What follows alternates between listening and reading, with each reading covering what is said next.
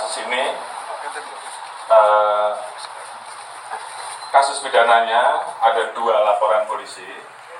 Yang pertama terkait dengan percobaan pembunuhan, yang kedua terkait dengan kekerasan, ancaman kekerasan terhadap eh, perempuan.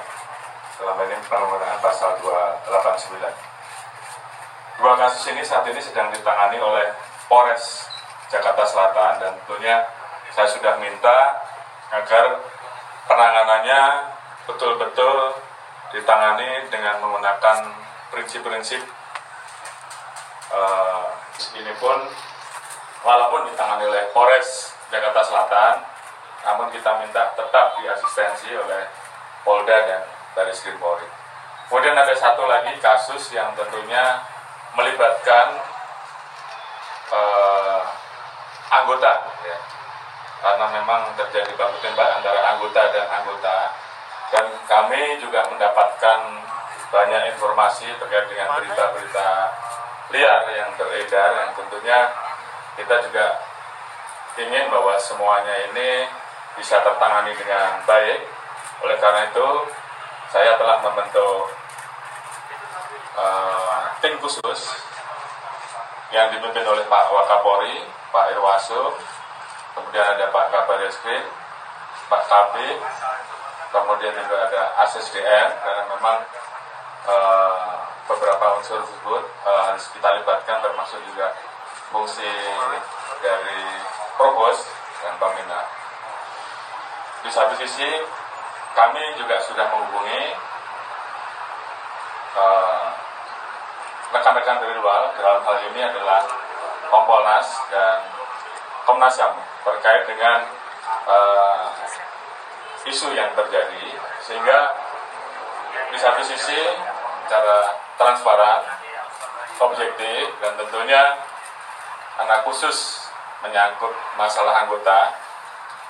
Kami juga ingin bahwa peristiwa yang ada ini betul-betul bisa menjadi terang. Oleh karena itu tim nanti akan bergerak sehingga rekomendasi dari tim gabungan eksternal dan internal yang telah kita bentuk ini menjadi masukan yang akan digunakan untuk menindaklanjuti terkait dengan hal-hal yang mungkin bisa kita dapatkan untuk melengkapi proses penyelidikan dan penyidikan yang ada. Tentunya kita tidak menutup kalau ada laporan dari sisi yang lain, namun semuanya ini tentunya harus kita telah, kita cermati, dan kita tangani objektif, secara transparan, dan tentunya menggunakan kaidah-kaidah penyelidikan dan penyidikan sesuai dengan uh, apa yang diatur dalam